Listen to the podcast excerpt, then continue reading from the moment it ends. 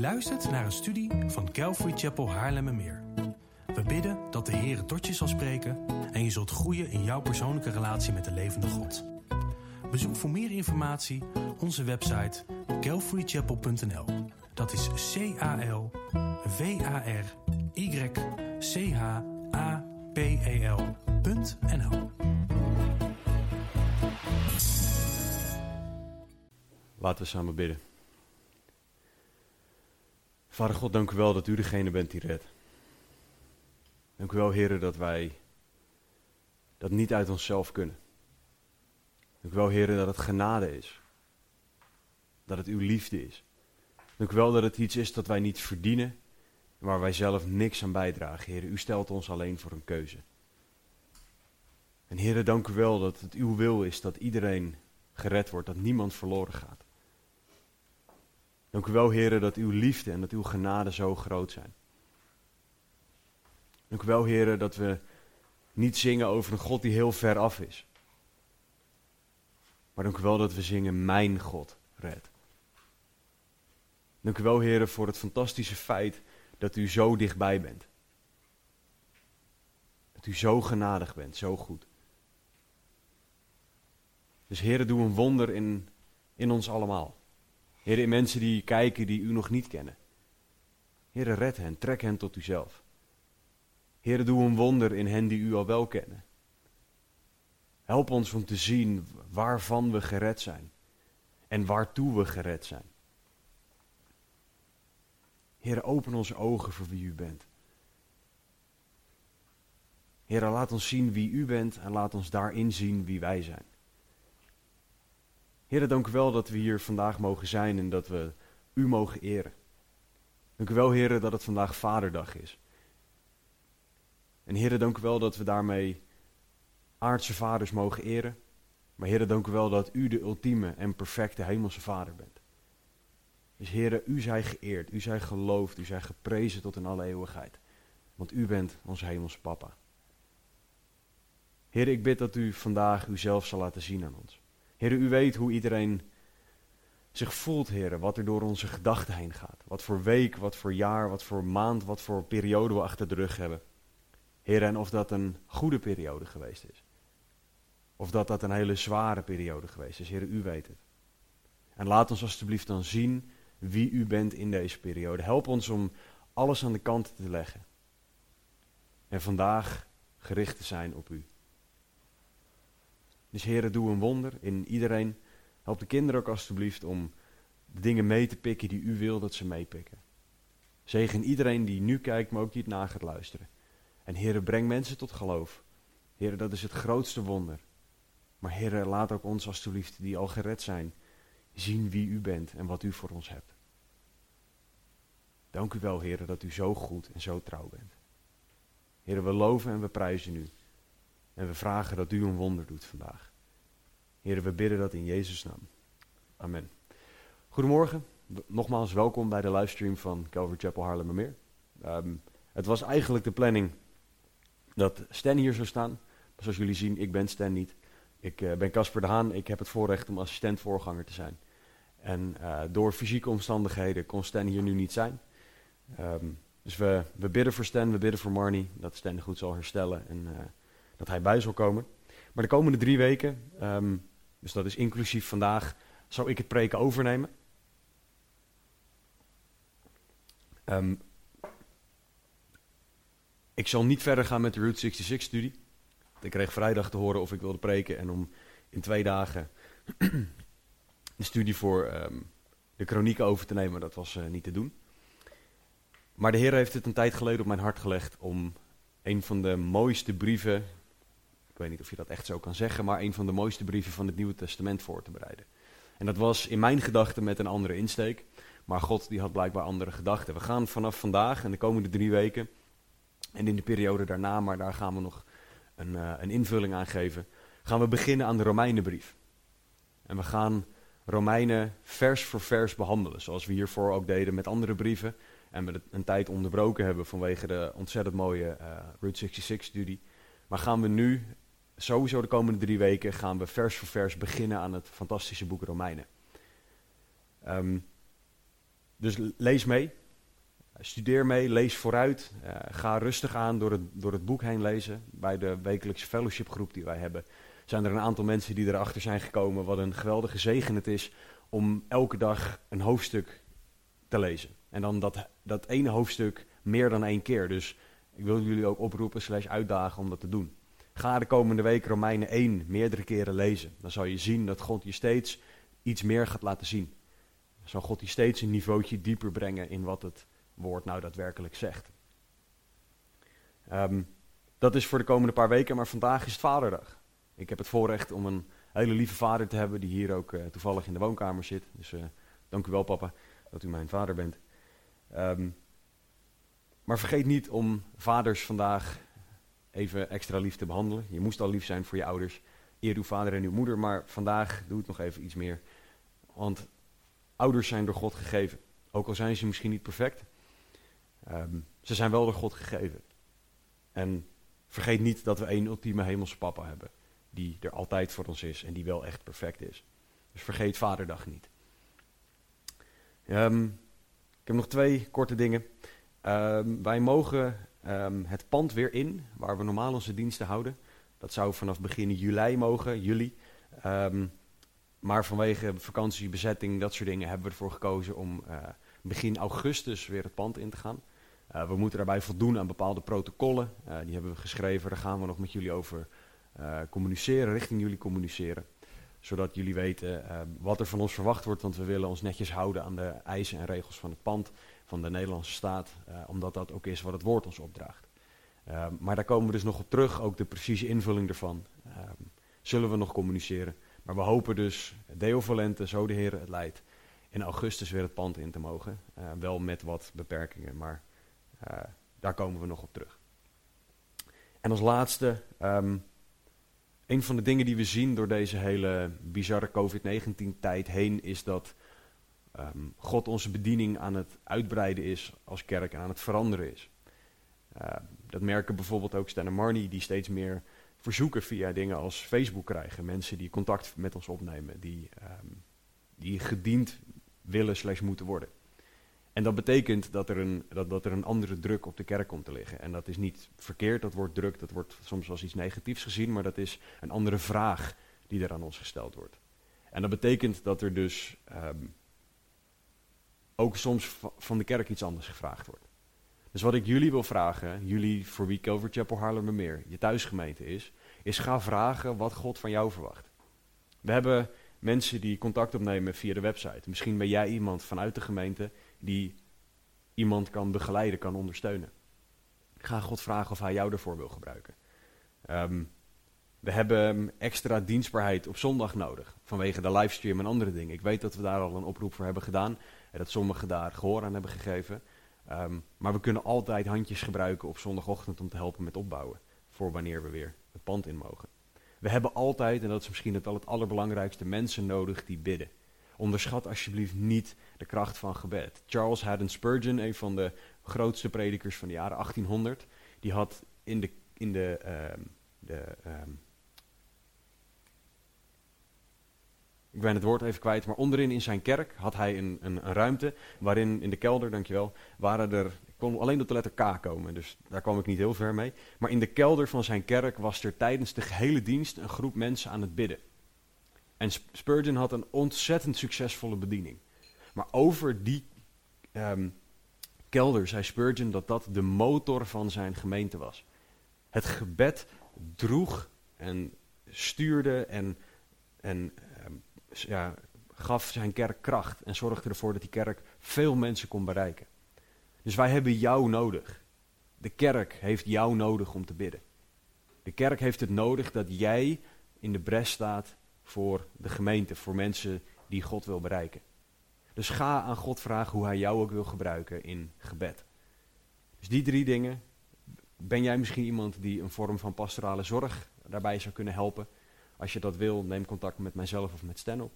Als je wil bidden, neem ook contact met Stan of mijzelf op um, om te vragen waarvoor je kan bidden. En als je wilt dienen op zondag, um, wacht heel even totdat we gedeeld hebben over wat we in augustus weer gaan doen. En dan kan je ook altijd even contact opnemen over of en hoe God jou daar wil gebruiken. Dat waren mijn mededelingen. Normaal heb ik dan altijd even tijd voor een slokje water. En bij deze ook.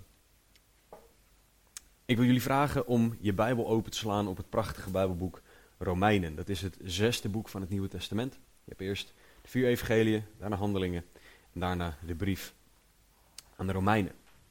En ik heb deze studie de titel gegeven Wie dien jij? Want we gaan kijken naar de eerste vier versen. Heel veel verder gaan we niet komen. En wat we hierin gaan zien is dat Paulus zichzelf neerzet als iemand die dient. En hij doet dat op een hele bijzondere manier en daar zullen we straks naar gaan kijken. En Paulus die doet dat als introductie van zijn brief aan de Romeinen. Hij zegt in vers 7 aan allen die in Rome zijn. Dat is aan wie hij schrijft. En daarmee bedoelt hij niet per se de hele stad Rome, want dat was een hele grote stad. Maar hij bedoelt aan alle gelovigen, aan alle mensen die Jezus Christus aangenomen hebben. Aan die mensen schrijft hij de brief Romeinen. Hij heeft die brief waarschijnlijk rond het jaar 57 na Christus geschreven in of vlak buiten de stad Korinthe, waar hij een tijd lang geweest is. En hij schreef een brief aan een kerk waar hij tot op dat moment nog niet geweest was. Dus hij schrijft een brief en in, aan het einde van de brief zien we dat hij een hele hoop mensen wel kent, want hij noemt een hoop mensen bij naam. Dus die zijn misschien uitgezonden daarheen, of voor hun werk, of wat dan ook zijn ze daarheen gegaan. Maar hij schrijft dus aan een kerk die hij zelf niet kent. En toch schrijft hij dat hij een groot verlangen heeft. In vers 11 zegt hij, ik verlang er vurig naar u te zien. En dat zegt hij naar christenen die hij nog nooit als groep gezien heeft. En toch was er door de geest geleid dat verlangen in hem om hen te zien. Het is een geweldige brief, deze brief. Want we zien hier heel erg Paulus' hart in. Paulus' hart voor deze gemeente, voor deze broeders en zusters die hij daar zag. Maar ook Paulus' hart. Uh, je ziet wat er door zijn hart heen gaat, de dingen waar hij over nadenkt. Je ziet wat er in hem leeft. Het is echt een persoonlijke brief van Paulus aan de kerk. En God heeft deze brief door de eeuwen heen fantastisch gebruikt. Twee van de pilaren van de Reformatie hebben bijvoorbeeld het volgende gezegd. Maarten Luther zegt: Het is het hoofdgedeelte, het belangrijkste gedeelte van het Nieuwe Testament, Romeinen. En het perfecte evangelie, het absolute hoogtepunt van de uitleg van het evangelie. En Calvijn zegt: Wanneer iemand deze brief begrijpt, Romeinen, ligt er voor hem of haar een gedeelte open dat leidt tot het begrijpen van de hele schrift. Dat is nogal iets om te zeggen over één brief. En toch is dat wat deze broeders zeiden over de brief naar de Romeinen. Het is het hoogtepunt van Paulus schrijven. Het is de complete uitleg van het evangelie. Het, het legt een fantastische verbinding tussen het Oude Testament en het Nieuwe Testament. Het geeft aan wat de plek van Israël is in Gods plan. Het geeft aan hoe wij als christenen horen te leven. Het geeft aan wie er zondaren zijn en wie de redding nodig hebben, hoe je die redding kan ontvangen. En Romeinen is bij uitstek een brief waarbij Paulus zegt: kijk naar Jezus. Voor alles wat je nodig hebt, kijk naar Jezus. Voor alle groepen mensen die hij aanspreekt, iedereen die aan bod komt, zegt hij: Jezus is wie je nodig hebt. Jezus is wie je nodig hebt. En de enige rol die wij mensen in de brief aan de Romeinen spelen, is dat wij moeten zien hoe wij ten opzichte van Jezus staan. Wie wij zijn ten opzichte van de hoog en verheven God. Paulus gaat ons laten zien hoe wij horen te handelen, wat wij horen te denken ten opzichte van Jezus. En de brief is erop gericht om te laten zien wie Jezus is en hoe hard wij hem nodig hebben. En daarmee wordt ook het belangrijk, belangrijkste thema van de Romeinenbrief aangestipt. Het is namelijk het thema van rechtvaardiging. De rode draad van de Romeinenbrief is rechtvaardiging. En het feit dat mensen dat nodig hebben. Paulus gaat uitleggen wie het nodig hebben, waarom je het nodig hebt, hoe je het kan krijgen, wat het in je leven hoort te doen. Rechtvaardiging komt in alles terug. In deze brief. Het, Paulus is een meester in het behandelen van dit thema. En hij belicht het vanuit het Oude Testament. Hij gaat bijvoorbeeld best wel veel aanhalen over Abraham. Omdat hij ook deels naar mensen schrijft die, een Joodse af, die van Joodse afkomst zijn. En hij weet dat als hij Abraham aanhaalt, dat hij voor hun heel dichtbij komt. Maar tegelijkertijd kunnen wij heel veel van Abraham leren. Want Abraham werd niet geboren als een Jood. Uit Abraham kwamen de Joden voort. Paulus legt uit waarom de mens rechtvaardiging nodig heeft en hoe we dat kunnen verkrijgen. En Paulus bouwt op een briljante manier in de hele Romeinenbrief op dat ieder mens rechtvaardiging nodig heeft. Dus ik wil nu kort elk hoofdstuk noemen. Ik ga niet nu elk hoofdstuk behandelen, want dan zitten we hier volgende week nog. Maar ik ga het hoofdstuk noemen en dan het hoofdthema van dat hoofdstuk noemen. Omdat dat is waar, op basis waarvan we al een beetje kunnen zien hoe Paulus deze brief opgebouwd heeft en hoe het voor ons van toepassing is. In Romeinen 1 gaat Paulus in op de onrechtvaardige. En dat die gerechtvaardigd moet worden. Dat er een probleem is, namelijk de onrechtvaardige mens heeft een probleem. Romeinen 2, vers 1 tot en met 11 gaat, gaat in op de zelf ingenomen of de persoon die van zichzelf vindt dat hij rechtvaardig is. Romeinen 2 en 3, het begin van Romeinen 3 tot en met vers 8, gaat in op de Joden. De plek van de Joden ten opzichte van rechtvaardiging. Romeinen 3, vers 9 tot en met 18 gaat in op de heidenen, de niet-Joden. Romeinen 3, vers 19 is dan ook het punt waar Paulus in die groepen, de onrechtvaardigen, de zichzelf rechtvaardigende, de Jood en de heiden, oftewel iedereen waar hij naartoe werkt. In Romeinen 3, 19 zegt Paulus het volgende.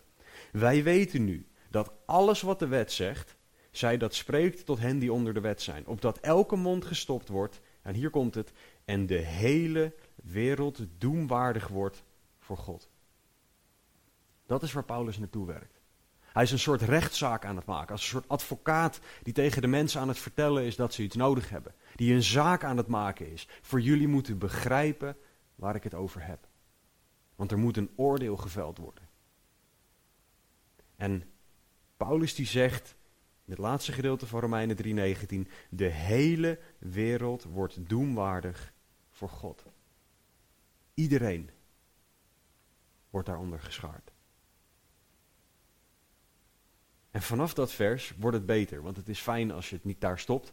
Want anders hebben we met z'n allen een groot probleem. Romeinen gaat door tot en met hoofdstuk 16. En vanaf Romeinen 3:19 gaat Paulus uitleggen wat rechtvaardiging is en dat dat door geloof komt. Legt hij bijvoorbeeld uit in Romeinen 3:22. In Romeinen 4 gaat Abraham, gaat Abraham als voorbeeld gebruikt worden. En dat Abraham moest geloven en dat dat hem rechtvaardig maakte. Abraham geloofde voordat hij de uiterlijke tekenen had van een Jood, namelijk bijvoorbeeld de besnijdenis. Hij geloofde al voordat dat onderdeel was van zijn leven. Geloof rechtvaardigde. Romeinen 5 legt uit wat rechtvaardiging doet en dat die alleen door Jezus is. En dat die voor allen is. Romeinen 6 gaat, gaat dan in op de praktische vraag, maar hoe leef ik dan als ik gerechtvaardigd ben door God? Romeinen 7 openbaart de connectie tussen de wet en het dagelijks leven. Wat ik wel wil, dat doe ik niet. En wat ik niet wil, dat doe ik wel. Paulus gaat daar heel erg zijn eigen hart laten zien. Ik had heel lang zo'n beeld dat Paulus zo'n soort superchristen was. Totdat ik Romeinen 7 een keer echt ging lezen. En dat Paulus daar zegt, ja maar wat ik wel wil, dat doe ik niet. En wat ik niet wil, dat is wat, juist wat ik doe. Dat is de wet die ik in mijzelf zie. Dat is Paulus. Dat is wie, wie hij echt is. Dat, dat is wat er in zijn hart leeft. Maar ook daar stopt het niet. Want in Romeinen 8 laat Paulus zien dat er overwinning over de wet is. Romeinen 8:1 er is nu geen verdoemenis meer voor hen die in Christus zijn. Dat is zo een fantastisch feit om te weten. Dat is iets wat je in je hoofd moet planten. Dat is iets wat je uit je hoofd moet weten. Romeinen 8:1. Geen verdoemenis voor hen die in Christus Jezus zijn. Romeinen 9 tot en met 11 gaan in op Gods plek voor Israël in zijn plan. Oftewel, God gaat daar laten zien dat hij nog niet klaar is met Israël. Want sommige mensen dachten dat. Tegelijkertijd laat Romeinen 9 tot en met 11 zien dat Israël op precies dezelfde plek staat als wij, als de niet-Jood. Want zowel Jood als Heiden moeten tot geloof komen in de Heer Jezus. En Romeinen hoofdstuk 9 tot en met 11 is een gedeelte waar grote bijbelleraren, nemen Maarten Luther, nemen Calvijn, waarop zij onderuit gaan. Want Maarten Luther is een van de mensen die de vervangingsleer de wereld in heeft geroepen. En de vervangingsleer zegt het volgende: God is klaar met Israël, de kerk heeft de plek ingenomen van Israël. Dus elke belofte die God ooit aan Israël heeft gegeven, is nu van toepassing op de kerk. Wat levert die theologie op? Antisemitisme. Heel eenvoudig. Wat levert het op? Vervolging van Joden door de kerk. Dat is waarom heel veel Joden ook niks met christenen te maken willen hebben. Waarom ze achterdochtig zijn richting christenen. Waarom hen onderwezen wordt dat het Nieuwe Testament een handleiding is van hoe Joden te vervolgen. Dat bedenk ik niet zelf, dat is echt wat hen onderwezen wordt. Terwijl Romeinen 9 tot en met 11 juist leert, oh wacht even, God is nog lang niet klaar met Israël. Het is niet voor niets dat God meer dan 200 keer in de Bijbel de God van Israël wordt genoemd. Dat is vaker dan dat hij de God van de kerk wordt genoemd. We kunnen niet 200 plus benoemingen van God als de God van Israël aan de kant schuiven. Dat kan niet. Het is een satanische leer. Sorry dat ik het zo moet zeggen, maar het is echt heftig. Want het levert zoveel problemen op. Romeinen 9 tot en met 11 laat zien dat God nog lang niet klaar is met Israël. En dat hij zielsveel van hen houdt. En daarom mogen wij ook nog steeds bidden voor Israël. En worden we daar ook toe opgedragen in het woord. Vanaf Romeinen 12 gaat Paulus laten zien dat de Jood en de Heiden, wanneer ze gerechtvaardigd zijn, moeten leven voor God op Gods manier. Romeinen 12:1 dat we ons leven als een welgevallig offer aan God moeten geven. Dat is wat de Jood en de Heiden horen te doen wanneer ze gerechtvaardigd worden in Jezus Christus. Romeinen 13 het praktische onderwijs hoe met de overheid en met je naasten om te gaan. Wat een ontzettend relevant hoofdstuk is dat voor vandaag de dag. Hoe hoor je nou te leven ten opzichte van de overheid, ten opzichte van je naasten in elke tijd? Romeinen 14. Hoe horen gerechtvaardigde mensen onderling te leven? Minimaal net zo relevant als hoe met de overheid en anderen om te gaan. Romeinen 15. Hoe horen zwakkere en sterkere christenen met elkaar om te gaan. En zwakker ehm, heeft niks te maken met hoe jong je bent, maar meer ben jij op, op een bepaald gebied, sta jij daar stevig of niet? Hoe is jouw relatie met God? Hoe horen zwakkere en sterkere christenen met elkaar om te gaan? En tegelijkertijd noemt Paulus hier zijn plannen om de christenen in Rome nogmaals te bezoeken, of tenminste nogmaals noemt hij dat, en om mede te strijden met hen. En in Romeinen 16 heeft hij een afsluiting en hoe gerechtvaardigde mensen nogmaals met elkaar om horen te gaan. Door de hele brief komt het thema van rechtvaardiging, de noodzaak, hoe en het effect daarvan komen terug. En ik weet niet hoe lang we over deze brief gaan doen. Ik kreeg de vraag al toen ik een keer aan iemand vertelde dat ik Romeinen ging voorbereiden. Ehm, ik heb echt werkelijk geen idee. Ik denk dat dit er wel eentje wordt waar we een tijdje mee bezig zijn.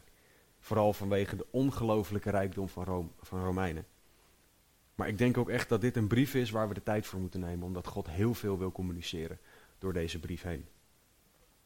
In alles in de Romeinenbrief gaat het om Jezus, om zijn werk, om zijn effect op de christen. In alles wordt de noodzaak voor rechtvaardiging wordt duidelijk. De weg van rechtvaardiging, geloof, wordt duidelijk. En de uitkomst van rechtvaardiging, namelijk een heilig leven voor God is wat zichtbaar wordt door de hele Romeinenbrief heen. Het is een brief die vol theologie staat, oftewel de leer van Theos, God. Tegelijkertijd is het niet een academische brief. Want Paulus die schreef aan grotendeels hele jonge christenen. Dus hij maakt het ook heel praktisch, deze brief. Hij zorgt dat het heel dichtbij komt. En dat is denk ik ook een reden waarom hij zijn hart opent, bijvoorbeeld in Romeinen 7. Het zijn onderwerpen die echt heel erg naar het hart gaan. En dat is ook wat mijn gebed is voor jou, voor u die luistert. Dat het echt het hart zal raken, de Romeinenbrief. Met die korte introductie gaan we nu beginnen aan daadwerkelijk de Romeinenbrief. Laten we samen Romeinen hoofdstuk 1, vers 1 tot en met 4 lezen. Paulus, een dienstknecht van Jezus Christus, een geroepen apostel, afgezonderd tot het evangelie van God. Dat hij tevoren beloofd had door zijn profeten in de heilige schriften. Ten aanzien van zijn zoon, die wat het vlees betreft geboren is uit het geslacht van David. En wat de geest van heiliging betreft, is hij met kracht bewezen te zijn de zoon van God door zijn opstanding uit de doden, namelijk Jezus Christus, onze Heer. Tot zover. Nou, Paulus die valt met de deur in huis. En waarom staat er aan het begin dat deze brief door Paulus geschreven is? Omdat brieven toen niet zoals wij die hebben op papier op blaadjes geschreven werden, maar het werd op perkamentrollen geschreven. En die rolde je dan van boven naar beneden af en dan was het wel fijn als je wist wie de afzender was. Daarom begint een brief in het, Oude Testament, sorry, in het Nieuwe Testament altijd met wie de schrijver is. In dit geval Paulus. Deze brief werd ook voorgelezen in de kerk. Bijbelstudie voor hun bestond voor een deel uit het publiekelijk lezen van deze brief. En zij hadden niet hoofdstukken en versen. Het was niet zo dat Paulus zelf nu een 1 neerzette en daarna een kleine 1 voor hoofdstuk 1 vers 1. Nee, het was gewoon één brief die in zijn geheel doorgelezen werd. In zijn geheel voorgelezen werd. De hoofdstukken en de versen zijn veel later pas toegevoegd. Ze zijn nuttig, maar soms staan ze ook op een hele onhandige plek. Maar deze brief is door Paulus geschreven. Deze brief is in zijn geheel door hem geschreven. En Paulus geeft direct aan wie hij is, maar hij zegt ook direct wat hij is. En in het Nederlands is het een beetje ongelukkig, maar er staat Paulus, een dienstknecht van Jezus Christus. En dan denk je misschien, waarom is dat ongelukkig? Nou, omdat het woord dienstknecht niet vertaald kan worden als dienstknecht. En wat ik daarmee bedoel is, er is een Grieks woord gebruikt, het Griekse woord doulos. En dat is hier vertaald door dienstknecht. Maar als je de simpele, eenvoudige Griekse woordenboeken erbij pakt naar het Nederlands, dan is er maar één vertaling die je kan kiezen voor dat woord. En dat is slaaf. Paulus zegt hier dat hij een slaaf is.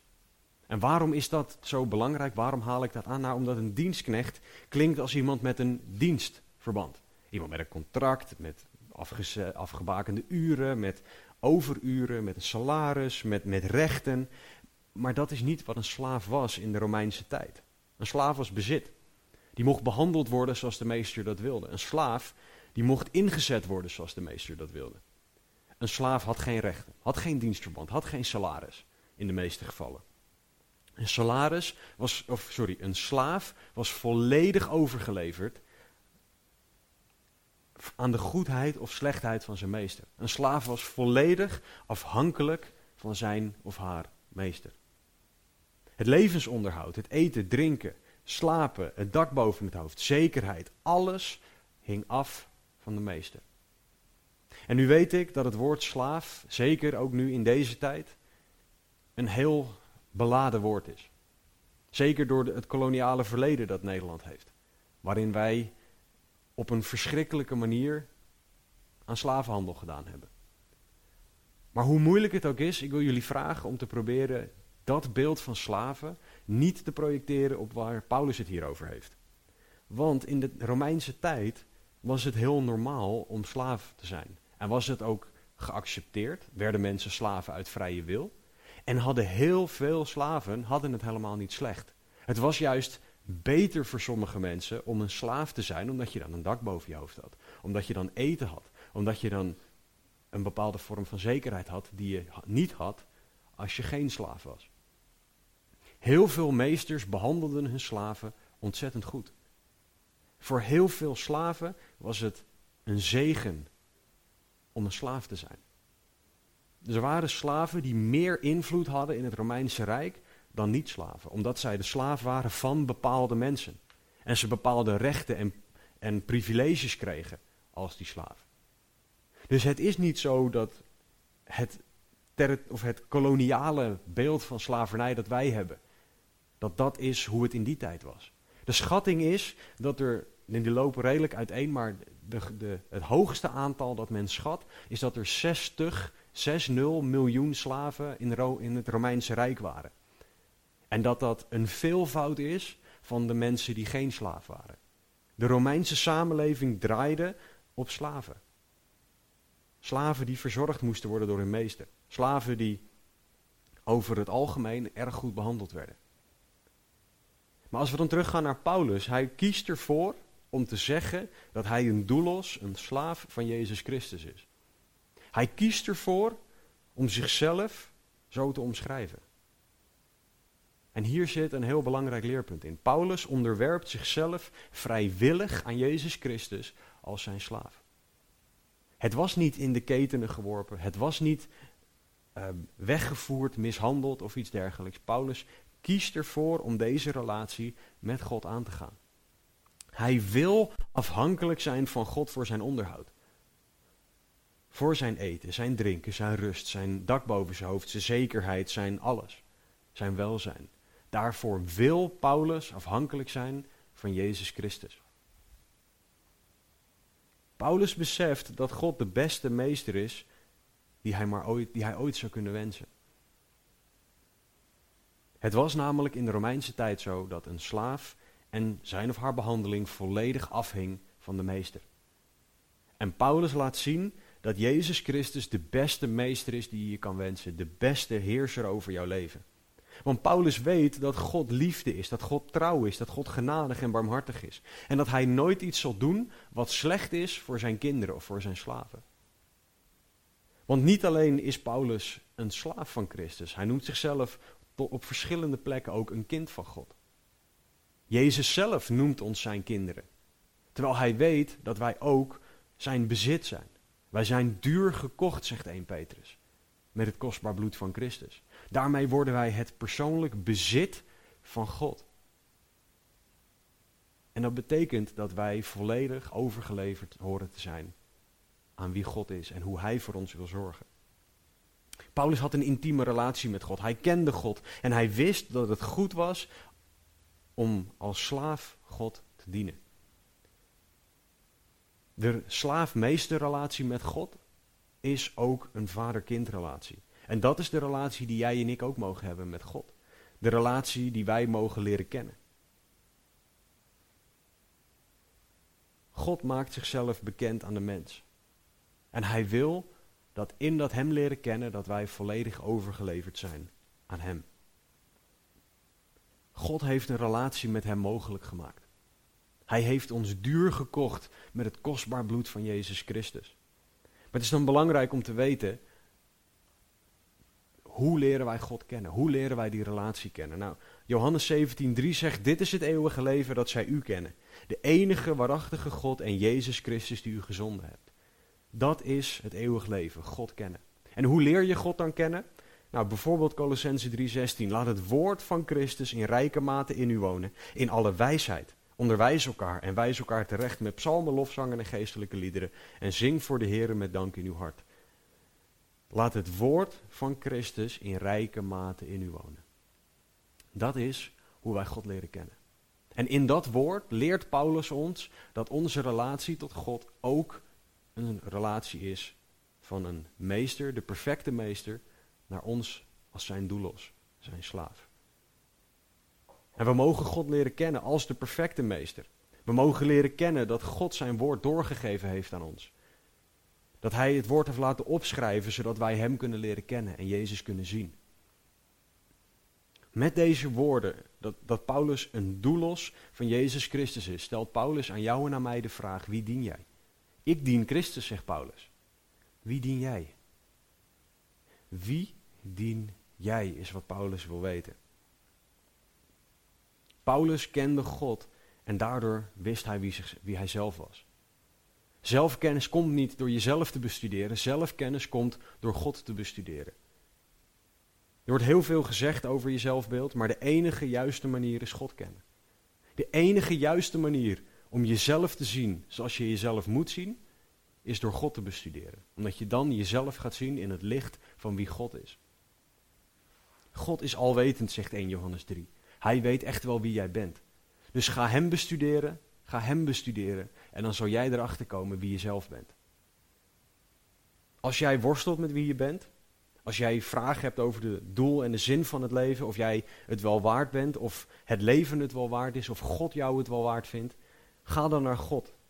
Ga naar het woord en lees daar dat de meester over jou zegt. Dat jij geliefd bent, Johannes 3:16. Dat jij zijn kind bent, 1 Johannes 3. Dat je niet alleen bent, dat God je aan zijn rechterhand altijd meeneemt, Jesaja 41. Dat je niet meer verdoemd bent, Romeinen 8, in Christus Jezus. En dat je verzekerd bent van eeuwig leven als je in Hem gelooft. 2 Korinthe 1. Dat zijn maar een aantal versen waarin God omschrijft hoe Hij naar jou kijkt. Maar daardoor kan je wel leren kennen wie jij bent. Wie jij kan zijn in Jezus Christus. Leer uit het woord wat God over jou vindt. En dan zal je een juist zelfbeeld krijgen. Leer kennen wie God is. Leer zijn karakter, zijn karakter kennen. Leer kennen hoeveel Hij van jou houdt. En daardoor zal je weten wie je zelf bent. Paulus laat ons zien dat om jezelf te kennen, je God moet kennen. Paulus kende God steeds beter en daardoor zag hij in, ik ben een doelos, een slaaf van Jezus Christus. Paulus accepteerde dat ook omdat hij wist dat dat de beste meester was die hij kon dienen. En ook de beste meester om zijn identiteit te laten bepalen. De belangrijkste zoektocht in het leven, heb ik een keer iemand horen zeggen, is de zoektocht naar de juiste meester. En nu denk je misschien, ja, maar ik ben helemaal geen slaaf van iets of iemand, dus waarom zou ik mijzelf als een slaaf willen onderwerpen aan God? Romeinen 6, vers 16 zegt het volgende. Weet u niet dat aan wie u uzelf als slaaf ter beschikking stelt tot gehoorzaamheid, u slaaf bent van wie u gehoorzaamt, of van de zonde tot de dood, of van de gehoorzaamheid tot gerechtigheid?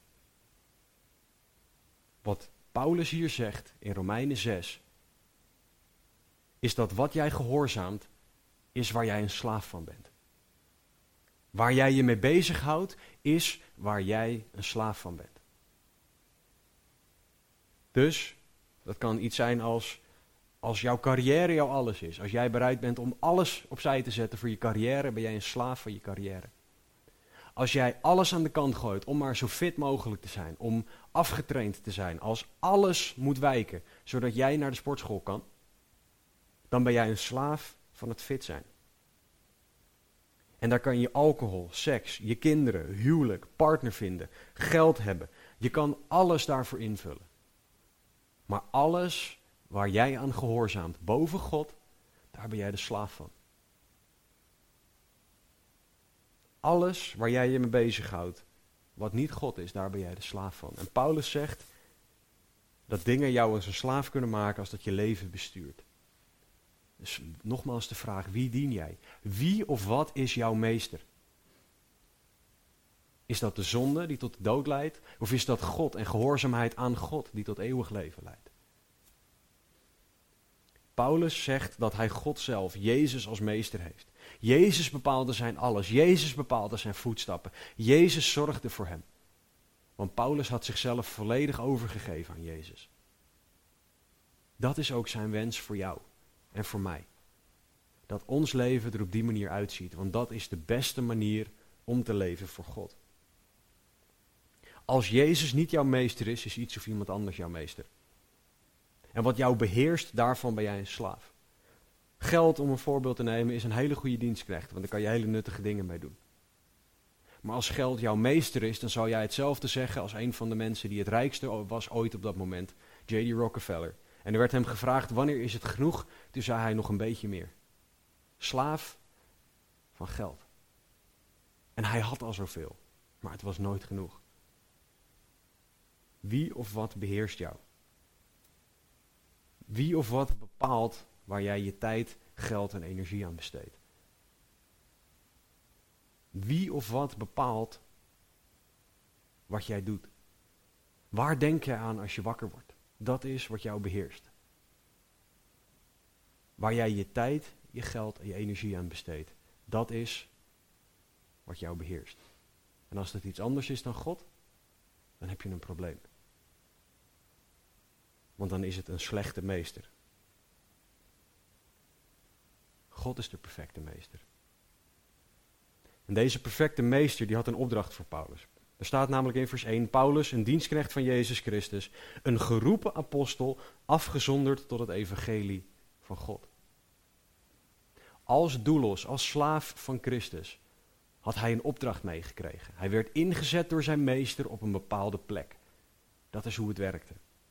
En Paulus laat hier zien dat hij een geroepen apostel is. Letterlijk staat daar door God geselecteerd en aangewezen om boodschapper of uitgezondene te zijn. Dat is waar het Grieks op wijst. Paulus was door God uitgekozen om het evangelie aan de heidenen te brengen. Dat is waar God hem toe op uitgezonden had. In Romeinen 15, vers 15 en 16 zegt Paulus dit. Maar ik heb u ten dele op nogal gedurfde toon geschreven, broeders. Als om u hieraan te herinneren, vanwege de genade die mij door God gegeven is, om een dienaar van Jezus Christus te zijn voor de heidenen, door het evangelie van God als een priester te dienen, opdat het offer van de heidenen welgevallig zou zijn aan God, geheiligd door de Heilige Geest. Onderdeel van Paulus' bediening was dat hij naar de heidenen ging. Dat was zijn God gegeven taak. Dat is waar hij zijn leven voor inzette. Dat is waar hij continu mee bezig was als slaaf van Christus. Zijn leven was erop gericht om Jezus te dienen. Hoe Jezus dat wilde, wanneer Jezus dat wilde, waar Jezus dat wilde. Ook als het niet ging hoe Paulus wilde. Of hoe Paulus het verwachtte. Hij zei bijvoorbeeld dat hij ernaar verlangde om naar Rome te gaan. Alleen hij zal niet doorgehad hebben hoe dat ging. Hoe hij uiteindelijk in Rome zou komen. In ketenen. Op een schip. Dat schipbreuk zou leiden. Waarbij hij op een eiland door een slang gebeten zou worden. Dat is niet de reis naar Rome die Paulus zich voor had gesteld. Nederlandse spreekwoord gaat alle wegen leiden naar Rome. Ik denk niet dat Paulus deze weg verwacht had. Maar dat is wel de weg die God gebruikte om ontzettend grote dingen te doen.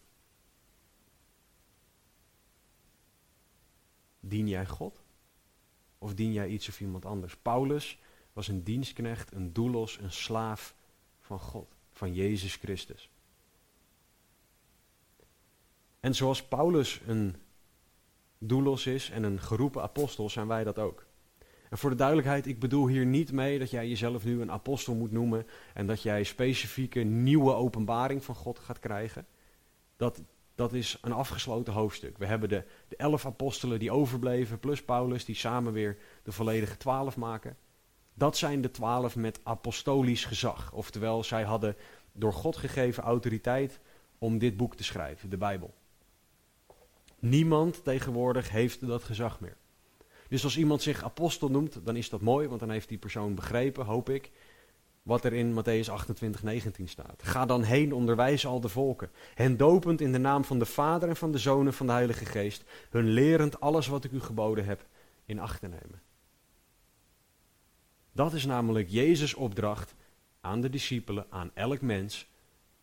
Dat is wat wij horen te doen. Dat is waar wij apostelen, uitgezondenen voor zijn om die opdracht te vervullen naar de hele wereld.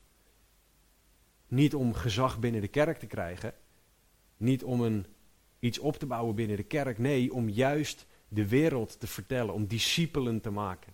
Dus het begint met mensen tot geloof brengen en het, eindigt bij dat ze sterven als een volwassen christen. Dat is het proces van discipelen maken. En dat hele proces worden wij toe opgeroepen. Word jij toe opgeroepen. Daar word jij voor uitgezonden, ben jij voor uitgezonden als jij gelooft Jezus Christus. Dat is wat jij hoort te doen, wat ik hoort te doen, wat iedere christen hoort te doen. Wij zijn uitgezonden door God, afgezonderd tot het evangelie. En dit is de taak van Jezus zelf voor al zijn volgelingen. We hebben een preekserie staan over het maken van discipelen. Op onze website. Um, Luister die na als je daar meer over wil weten. Maar dit is een opdracht om, om serieus te nemen. Dit is een opdracht die ons tot apostelen maakt, uitgezondenen van God. Dit is een taak om heel serieus te nemen, want het gaat hier om leven en dood. Het gaat hier om eeuwigheid. Het gaat hier om mensen die Jezus nog niet kennen en die daardoor rechtvaardiging nodig hebben. En op het moment dat er geen rechtvaardiging is, dan zegt Romeinen 1, vers 18: De toorn van God wordt geopenbaard vanuit de hemel over alle goddeloosheid en ongerechtigheid van de mensen die de waarheid in ongerechtigheid onderdrukken. Dit is niet niks. Dit gaat om leven en om dood. Dit gaat om eeuwigheid. Dit gaat om waar brengen mensen de eeuwigheid door. Dus dit is een opdracht die jij en die ik heel, heel, heel serieus moeten nemen. Veel serieuzer, denk ik, dan dat wij doen. We zijn tegenwoordig zo goed in het perfectioneren van ons paleisje, van ons eigen huis, van onze eigen gewoontes, van onze eigen dingen. En daar is op zich niks mis mee. Maar als dat het doel wordt in de plaats van een middel om mensen te bereiken, dan heb je weer een afgod en ben jij weer een slaaf geworden van iets anders dan Jezus Christus. Hoe serieus neem jij het evangelie? Dien jij het evangelie? Dien jij Christus zoals Paulus ons dat voorleeft, zoals Jezus van ons vraagt? Of dien jij iets of iemand anders? En dat kan heel goed jezelf zijn. Wie dien jij? Paulus leefde als een slaaf onder de liefdevolle heerschappij van zijn meester. Onder de liefdevolle druk van zijn, van zijn meester. Want Paulus werd af en toe tot dingen aangezet die hij niet altijd leuk vond. Ik denk niet dat hij het leuk vond om in de gevangenis te zitten, met stokken geslagen te worden, schipbreuk te lijden, etc. Maar toch diende hij Jezus Christus, diende hij God. En zijn meester vertelde hem wat hij moest doen, waar hij dat moest doen, wanneer hij dat moest doen, hoe hij dat moest doen. Dat is Paulus. Dat is de schrijver van deze brief. En dat is het voorbeeld dat wij mogen volgen. Zoals Paulus in 1 Korinthe zegt, volg mij na, want ik ben zo geweldig. Nee, volg mij na, zoals ik Jezus Christus navolg. Dat is wat wij horen te doen. Wie dien jij? Ik wil vers 2 tot en met 4 nog met jullie behandelen, omdat het heel belangrijk is dat we weten wat Paulus precies diende met zijn leven. Welk evangelie hij het hier over heeft. Want Paulus legt dat uit en dat, is, dat doet hij niet zonder reden. Vanaf het begin af aan in de kerk namelijk waren er valse leraren die het evangelie probeerden te verdraaien. Satan had namelijk heel snel door dat als je, in het Engels zeggen ze dat mooi, if you can't beat them, join them. Als je ze van buitenaf niet kan verslaan, zorg dat je, van, dat je naar binnen komt, infiltreer en zorg dat je iets kapot maakt. Dus wat deed Satan? Hij zorgde ervoor dat er allerlei valse leer de kerk inkwam. Dat er allerlei dingen de kerk inkwamen die niet het zuivere woord van God waren. En daar gingen mensen achteraan rennen. En Paulus wil dus dat vanaf het begin duidelijk is: dit is het evangelie van God waar ik het over heb. Het evangelie van God waartoe ik geroepen ben, wat ik dien als een doellos, een slaaf van Jezus Christus. Hij heeft het hier namelijk over het evangelie dat God de Vader beloofd heeft, zegt vers 2. Dat ten aanzien van zijn zoon is. De zoon die mens geworden was, vers 3. En zichtbaar in de zoon, de mens die tegelijkertijd God was, vers 4. Dat is waar het over gaat. Dit is het evangelie dat de redder die zou komen voor ieder mens, de zonde van de mensen zou dragen, jou en mijn zonde. En dat dat al van tevoren door God beloofd was in de heilige schriften, zoals vers 2 zegt. Wat een prachtige manier om over het woord te spreken. Maar bijvoorbeeld Jesaja 53 kondigt aan dat de redder zou komen, zou lijden en zou sterven. Jesaja 7:14 belooft dat, het, dat de redder uit een maagd geboren zou worden. Dat hij in Bethlehem geboren zou worden, belooft Micha 5:2. En dit zijn slechts drie van de honderden profetieën over de Messias. We hebben laatst hebben we het nog gehad, in, volgens mij was het in, in 1 of 2 Samuel 7, 1 Samuel 7 denk ik. Waarin het, of maakt niet uit, in Samuel, ergens, um, ging het over de belofte van God aan David. De belofte van God over de redder die zou komen. Aan Abraham wordt beloofd dat uit zijn nageslacht heel de wereld gered zou worden. Heel de wereld gezegend zou worden, moet ik, moet ik eigenlijk zeggen. Dat is wat God duizenden jaren voordat Jezus kwam al beloofde, beginnend in Genesis 3, waarin hij zegt dat het zaad van de vrouw zou overwinnen over het zaad van de slang. Dat is wat God belooft vanaf het begin. En dat is het evangelie. Het woord evangelie betekent goed nieuws, blij nieuws. Goed en blij nieuws voor ieder mens. Voor jou, voor mij, voor iedereen om ons heen. Het is door God beloofd. Het is door profeten over de zoon beloofd. In vers 3 zegt hij dat het, vers 2 en 3, het, evangelie dat hij van tevoren beloofd had door zijn profeten in de Heilige Schriften, ten aanzien van zijn zoon, die wat het vlees betreft geboren is uit het geslacht van David. Het gaat hier over Jezus die 2000 jaar geleden naar de aarde kwam, Johannes 3:16. En om onder de mens te leven. Het ging niet omdat Jezus een soort van een excursie wilde maken, om een keer omdat hij zich verveelde in de hemel of zo. Dat hij uh, zoiets had van dat hij tegen God de Vader zei: Papa, ik wil gewoon een keer meemaken hoe dat is. Nee, dit ging. Jezus kwam om ons te redden. Dat was de enige reden waarom hij kwam. Hij kwam niet om te feesten, om het een keer mee te maken of wat dan ook. Hij kwam om ons, om jou en mij te redden. Dat is het doel waarvoor Jezus kwam. Hij kwam om onze zonde te dragen, zegt 1 Petrus 2. Dat was de reden dat hij naar de aarde kwam. Voor jou en voor mij. En waarom schrijft Paulus nou wat hij hier opschrijft? Nou, omdat hij wil bewijzen, wat hij ook later nog in de brief gaat doen, dat Jezus inderdaad een mens was die, een voor, die voorouders had, dat hij daardoor echt een van ons was. En zoals iedereen voorouders heeft, of je nou er blij mee bent of niet, is wat anders. Maar wat het vlees betreft, geboren uit het geslacht van David, zegt hij in vers 3. In 2 Samuel 17, ik had het vers dus wel opgeschreven, um, belooft God aan David dat Jezus zou komen, dat de redder uit zijn nageslacht zou komen, dat er een koning voor eeuwig op de troon zou zitten. En Jezus is de vervulling van die belofte. Opnieuw in de heilige schriften beloofd. Jezus Christus uit het vlees, uit het geslacht van David. En wat Paulus hiermee zegt, is dat alles wie Jezus is, alles wat Jezus deed, alles, alles, alles aan Jezus was al beloofd van tevoren. Alles wat Jezus op aarde deed, was beloofd door God in de Heilige Schriften. Het is dus niet een verzinsel. Het is dus niet iets waar, waar achteraf wat dingen opgeschreven zijn om het maar een beetje passend te maken. Al die profetieën stonden al. En Jezus heeft ze stuk voor stuk voor stuk vervuld. Over die Jezus gaat Romeinen. Over die Jezus spreekt Paulus, gelooft, dat is de, de Paulus, of de Jezus waar Paulus in gelooft. En dat is de Jezus voor wie Paulus leeft. De Jezus die beloofd was door God. Naar het vlees uit David, uit de geest was hij heilig, Gods zoon. Wat de geest van heiliging betreft, Vers 4, is hij met kracht bewezen te zijn, de zoon van God door zijn opstanding uit de doden, namelijk Jezus Christus, onze Heer. Er wordt een contrast geschetst tussen vlees en geest. Uit het vlees, menselijk gezien, kwam hij uit de lijn van David. Kijk maar in Matthäus 1.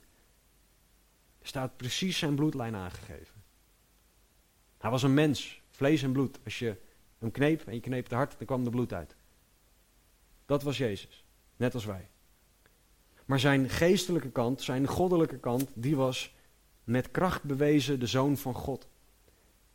En hij was bewezen dat hij dat was door de opstanding uit de dood. Doordat hij uit de dood kon opstaan, bewees hij dat hij God was. En wordt hij terecht Here, God genoemd. Dit is een belangrijk onderdeel van het evangelie. Jezus menselijke en Jezus goddelijke kant. Jezus dood, want alleen een mens kan sterven, en opstanding. Iets wat alleen God kan doen. In het heel kort zegt Paulus hier, dit is het evangelie dat ik geloof. Dit is het evangelie waar ik als slaaf voor dien, waar ik God voor dien. Dit is wat mensen redt. En in Romeinen 1, vers 16 en 17, daar komen we over twee weken komen we daaraan toe, zegt Paulus het volgende. Ik schaam mij niet voor het evangelie van Christus. Want het is een kracht van God tot zaligheid voor ieder die gelooft. Eerst voor de Jood en ook voor de Griek.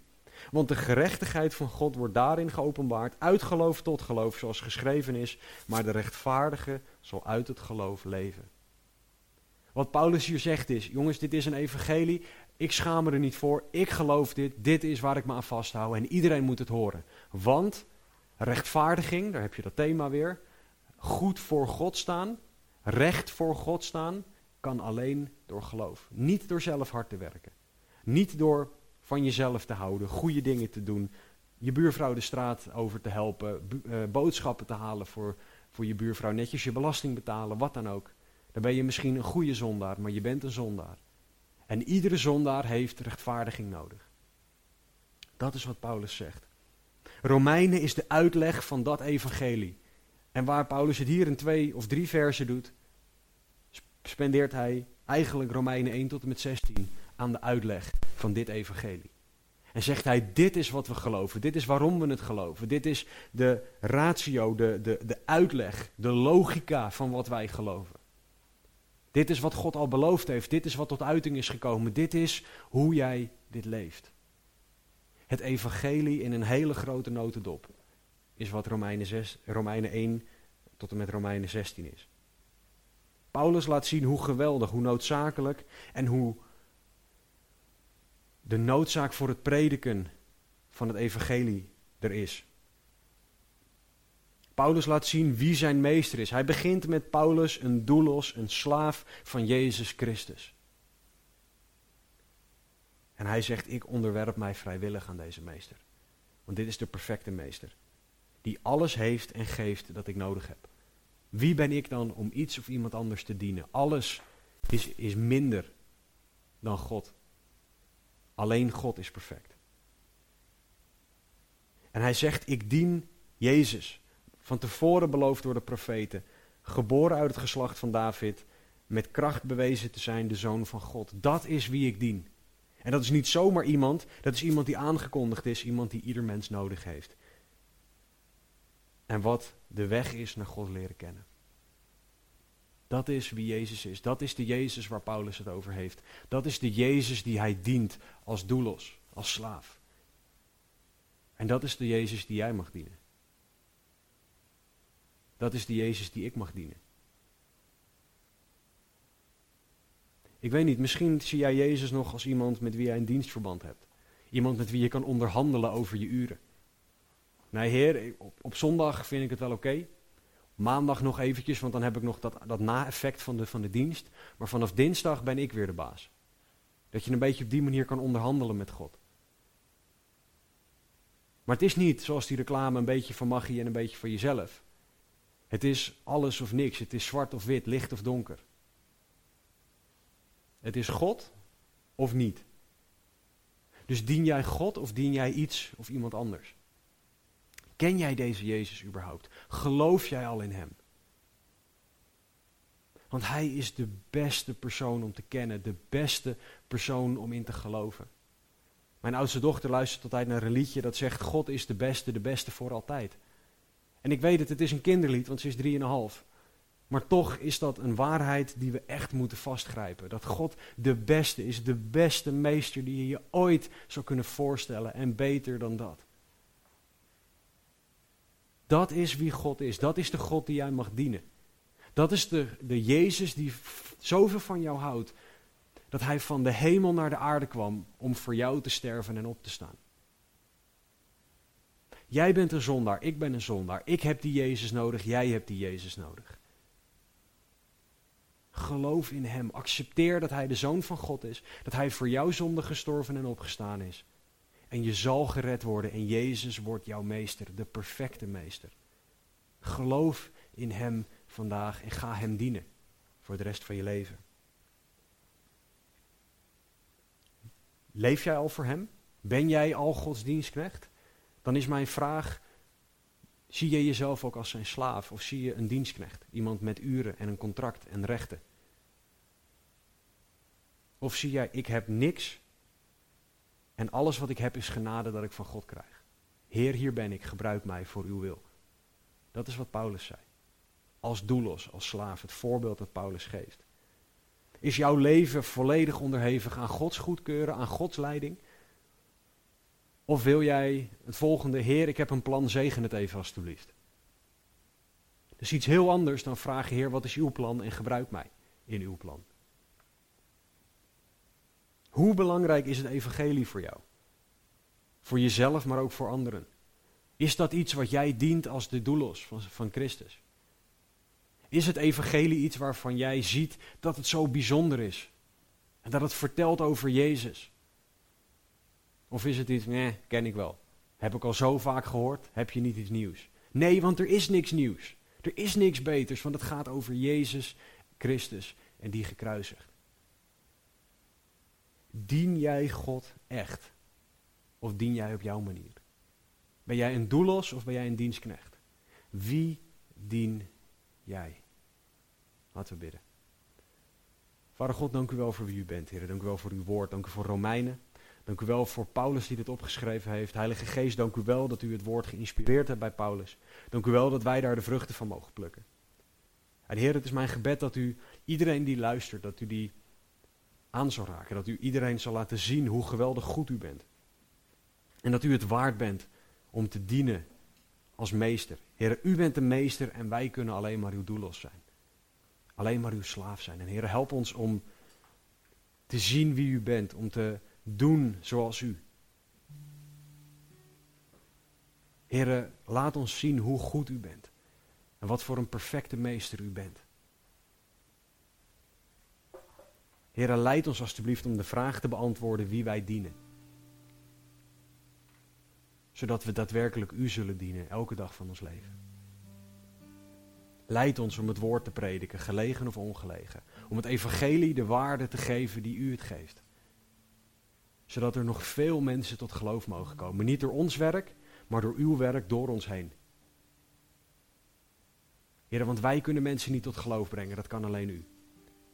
Dus heren, doe een wonder in ons, doe wonderen door ons heen. Breng mensen tot geloof door deze boodschap heen. Niet mijn wil, niet mijn woorden, maar uw woorden. Heren, leid ons om u te gehoorzamen elke dag weer. Niet om een zondag christen te zijn, maar om een elke dag christen te zijn. Heren, doe uw wil in en door ons heen, heren. Dat vraag ik in Jezus' naam. Amen. Ik wil afsluiten met woorden van Jezus zelf uit Matthäus 11. Daarna zal het aanbiddingsteam ons nog leiden in een lied. Maar Jezus zegt in Matthäus 11: Kom naar mij toe, allen die vermoeid en belast zijn, en ik zal u rust geven. Neem mijn juk op u en leer van mij dat ik zachtmoedig ben en nederig van hart. En u zult rust vinden voor uw ziel, want mijn juk is zacht en mijn last is licht. Dat is wie Jezus is als onze meester. Hij zal niet dingen van je vragen die je niet aan kan, omdat Hij je de kracht geeft. Niet omdat jij krachtig bent, maar omdat Hij almachtig is. Wie dien jij?